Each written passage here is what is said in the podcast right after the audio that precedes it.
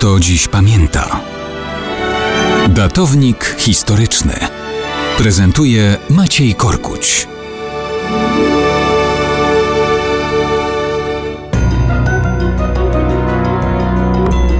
Mało kto dziś pamięta, skąd się wzięła Anglia w Wielkiej Brytanii. Długie panowanie rzymskie zapewniło na większej części wyspy pokój mieszkającym tam celtyckim Brytom. Wybudowany na północy mur Hadriana bronił ich przed napadami Piktów i Szkotów, a stacjonujące tam legie przez pokolenia silnie zrosły się z miejscową ludnością. Spokój rozleniwia, ale też rozbraja bogate społeczności. Imperium słabło. Flota rzymska coraz gorzej radziła sobie z najazdami germańskich barbarzyńców na wybrzeże. Jakoś to było do czasów przebicia się Germanów przez granicę imperium w latach 80. IV wieku. Legiony Brytów wysłane na kontynent nigdy nie powróciły, a bezbronna i bogata wyspa stała się łatwym łupem dla najeźdźców. Próba zjednania niektórych wodzów saskich dla obrony wyspy okazała się złudą. Wpuszczeni germańscy najemnicy zwrócili się przeciw tym, których mieli bronić. Zaczęli masowo ściągać z kontynentu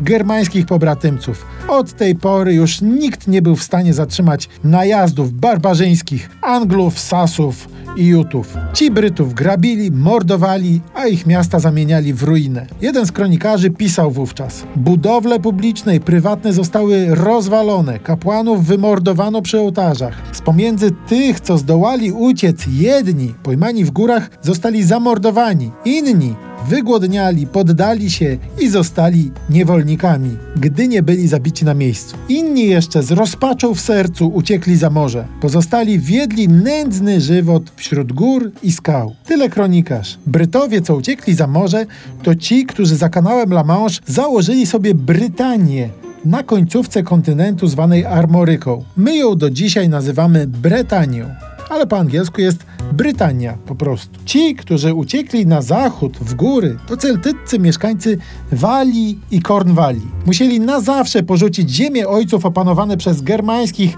barbarzyńskich najeźdźców, Anglów, Sasów i Jutów. Tak powstała tam Anglia. Kiedy w ostatnich latach w Krakowie oglądam popisy niektórych przybyszy z Wysp Brytyjskich, mam wrażenie, że są raczej potomkami owych Anglów i Sasów, a nie kulturalnego Sherlocka Holmesa i doktora Watsona.